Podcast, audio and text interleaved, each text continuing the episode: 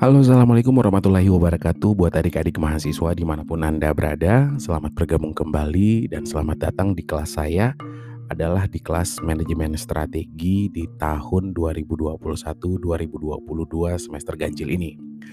Nah, ada beberapa hal yang ingin kita capai di dalam pembelajaran kali ini Terutama di manajemen strategi selama 16 kali pertemuan tentunya Nah, oleh sebab itu ada uh, sub pokok bahasan yang ingin saya jelaskan kepada adik-adik sekalian mengenai apa saja sih yang pengen kita pelajari selama 16 kali pertemuan ini.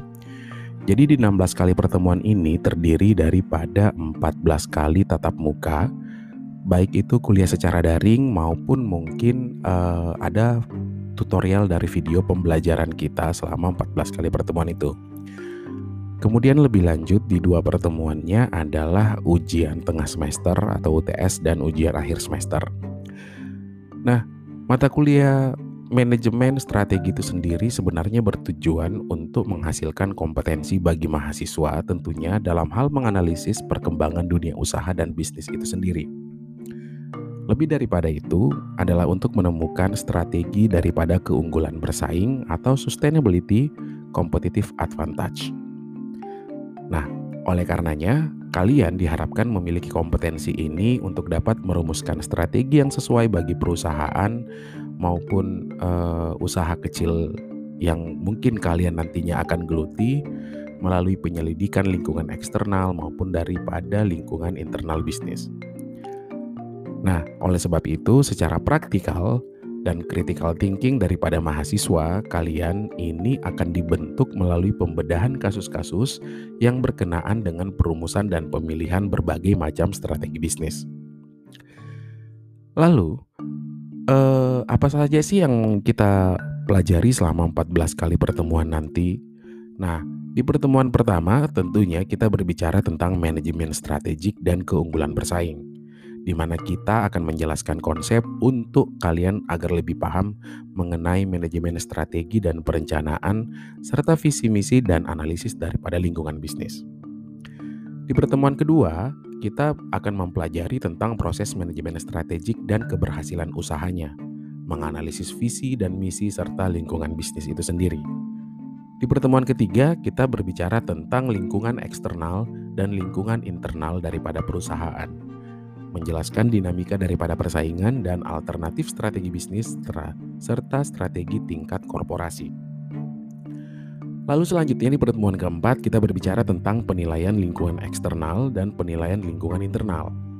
Di pertemuan kelima kita berbicara tentang perumusan strategi dasar induk yang di mana kita akan mempelajari tentang pengembangan pasar, strategi akuisisi dan restrukturisasi, pengembangan produk, inovasi yang terkonsentrasi, serta integrasi horizontal dan integrasi vertikal di dalam sebuah organisasi.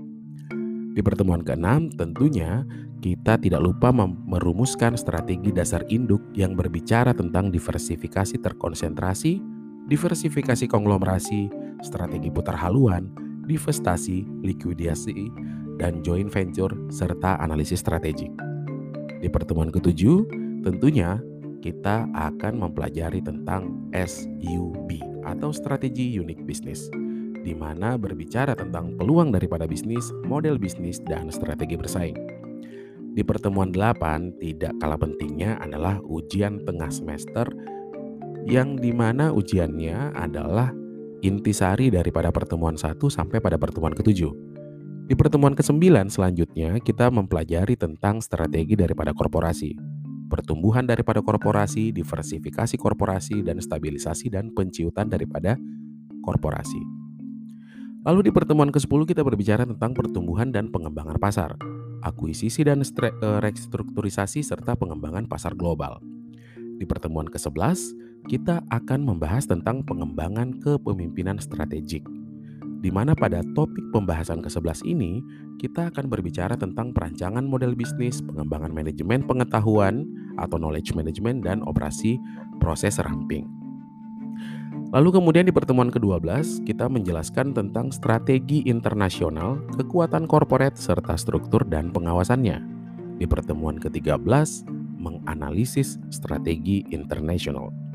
Di pertemuan ke-14 tidak kalah pentingnya dan di pertemuan ke-15 juga sama adalah menjelaskan daripada implementasi strategi. Lalu kemudian daftar rujukan pustaka yang saya gunakan itu ada dari Fred dan dari David di tahun 2019 yang berjudul Strategic eh, Management Concept and Cases. Kemudian ada buku daripada Potter yang ada di tahun 1980 ini tidak kalah pentingnya karena inilah sebenarnya cikal bakal daripada manajemen strategi dan keunggulan bersaing itu ada. Kemudian Uh, tidak lupa juga ada dari Barney di tahun 2002 yaitu Gaining and Sustain Competitive Advantage cetakan kedua dari Prentice Hall ya. Dan uh, kemudian ada banyak contoh-contoh kasus yang lebih uh, mendekatkan kepada asas praktikal dan teatrikal yang tentunya didapat daripada jurnal internasional dan jurnal nasional bereputasi. Nah, semoga kalian betah pada kelas ini uh, dan juga mengenai tata tertib apa ya yang ingin saya jelaskan kepada kalian. Tata tertib uh, tata tertibnya itu tidak muluk-muluk sih. Yang penting kalian aktif di kelas, juga kalian juga hadir tepat waktu dan disiplin dan tentunya eh, segala hal yang berkaitan selama perkuliahan kalian tidak neko-neko ya. Oke, mungkin sekian daripada apa yang ingin saya sampaikan kepada kalian semua, para mahasiswa saya. Uh, good luck selama 16 kali pertemuan. Selamat datang kembali ingin saya ucapkan kepada kamu semua, selamat bergabung dan enjoy this class.